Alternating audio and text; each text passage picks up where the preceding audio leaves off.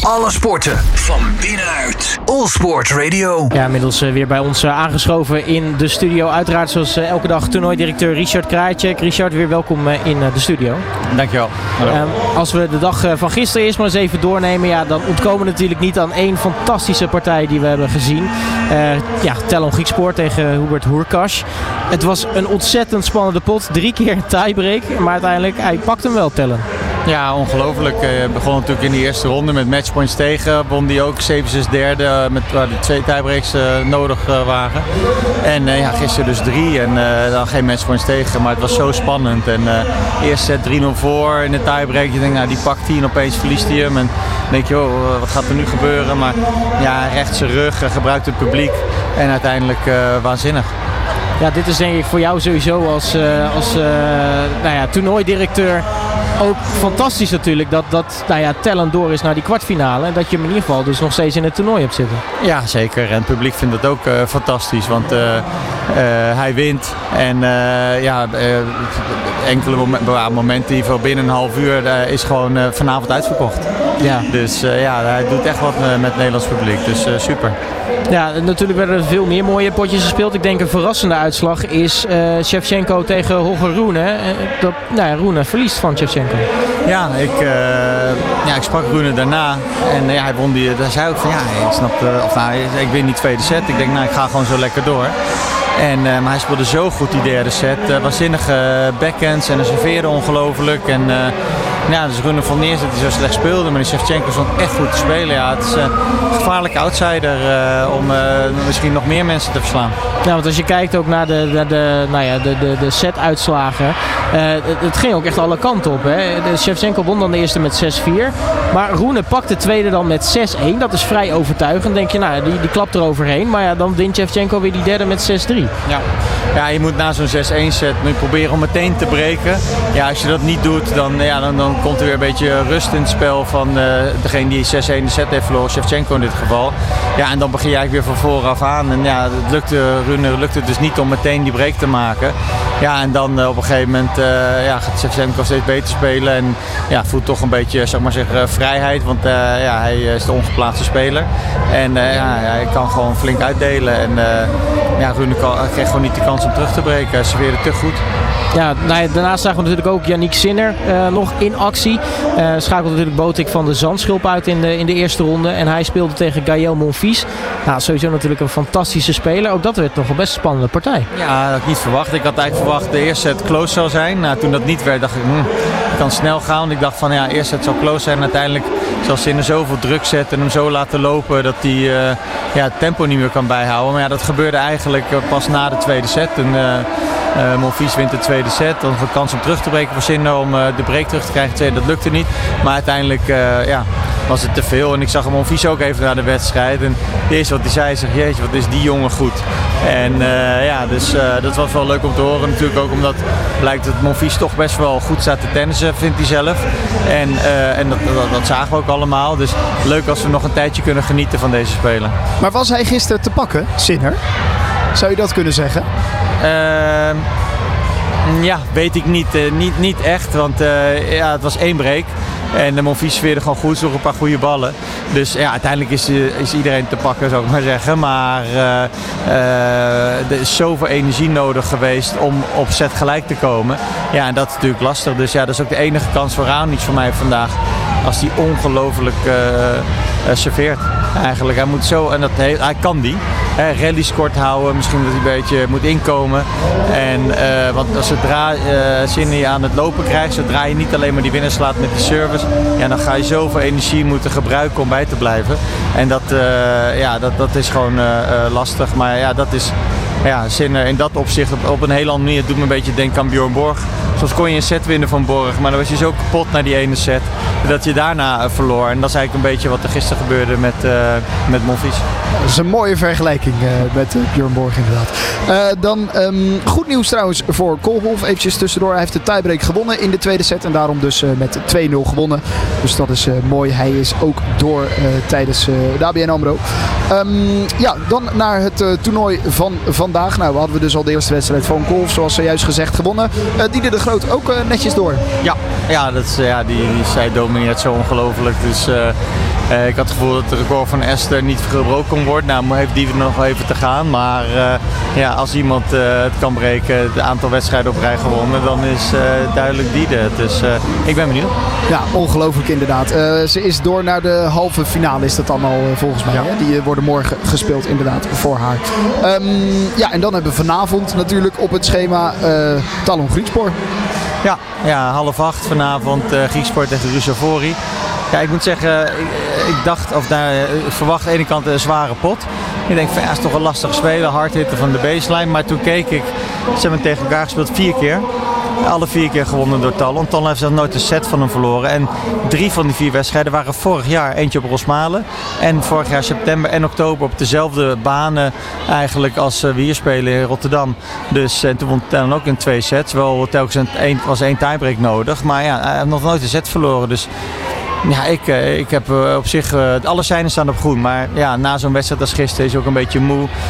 misschien dat een beetje verwachting bij zichzelf ook heeft en misschien bij het publiek. Dus ja, gaat hij dat gebruiken of hoe gaat hij dat voelen? Dus ik durf het niet te zeggen, maar voorlopig heb ik het gevoel van wauw, hele goede kans dat Tellen naar de halve finale gaat. Ja, en dan wil ik niet te ver op de zaken vooruit lopen. Maar stel hij haalt inderdaad die halve finale en de kansen, je hebt het net gezegd, de, de staan op groen. De kansen die zijn er. Dan lijkt het een heel goede plek voor hem, dit uh, Rotterdam uh, Ahoy. Want vorig jaar ook in de halve finale. Dan uh, begint hij zich thuis te voelen, zouden we kunnen zeggen. Ja, hij speelt graag in Nederland, duidelijk. Hè. Davis Cup ook goed gespeeld vorige week. vorig jaar Rosmalen gewonnen, halve finale bij ons. Ook toen hij, zou maar zeggen, nog niet zo goed was. hij won een keer van Wawrinka al hier. En ja, dus dit is, ja, Rotterdam of Nederland is een fijne plek voor hem om te spelen. En gebruikt het publiek goed, communiceert met het publiek, zweept het publiek eigenlijk op. En die zwepen hem weer op, zou ik maar zeggen. Dus in dat opzicht perfect. Dus ja, mooi dat hij om half acht speelt vanavond. De volle bak dus. En ja, ik, ik, kijk er heel erg naar uit. Kan natuurlijk druk geven, spelen in eigen land voor eigen publiek. Hoe, hoe zat dat bij jou? Vond je dat prettig of juist vervelend? Eerste paar jaar van mijn carrière, het zijn sommige mensen die hebben het van nature. Ik denk dat Talent van nature heeft in Nederland spelen. En ook bijvoorbeeld Raymond Sluiter. Ja, ik heb echt moeten wennen. Ik heb een paar verschrikkelijk slechte wedstrijden gespeeld. Maar zo vanaf het begon volgens mij bij mij in 94. Dus toen was ik al een jaar of twee, drie bezig. Toen won ik Rosmalen en toen het jaar daarna won ik in 95 won ik hier in Rotterdam. En, en steeds meer zag ik het publiek als uh, die mij, uh, mensen die mij helpen en die, die, die mij energie geven en me beter laten spelen. En uh, dus uiteindelijk heb ik vier toernooien gewonnen. Twee keer Rosmalen, twee keer Rotterdam. En, ehm, en ik heb 17 titels totaal. Dus zeg maar een kwart van mijn, van, van mijn titels is in Nederland gehaald.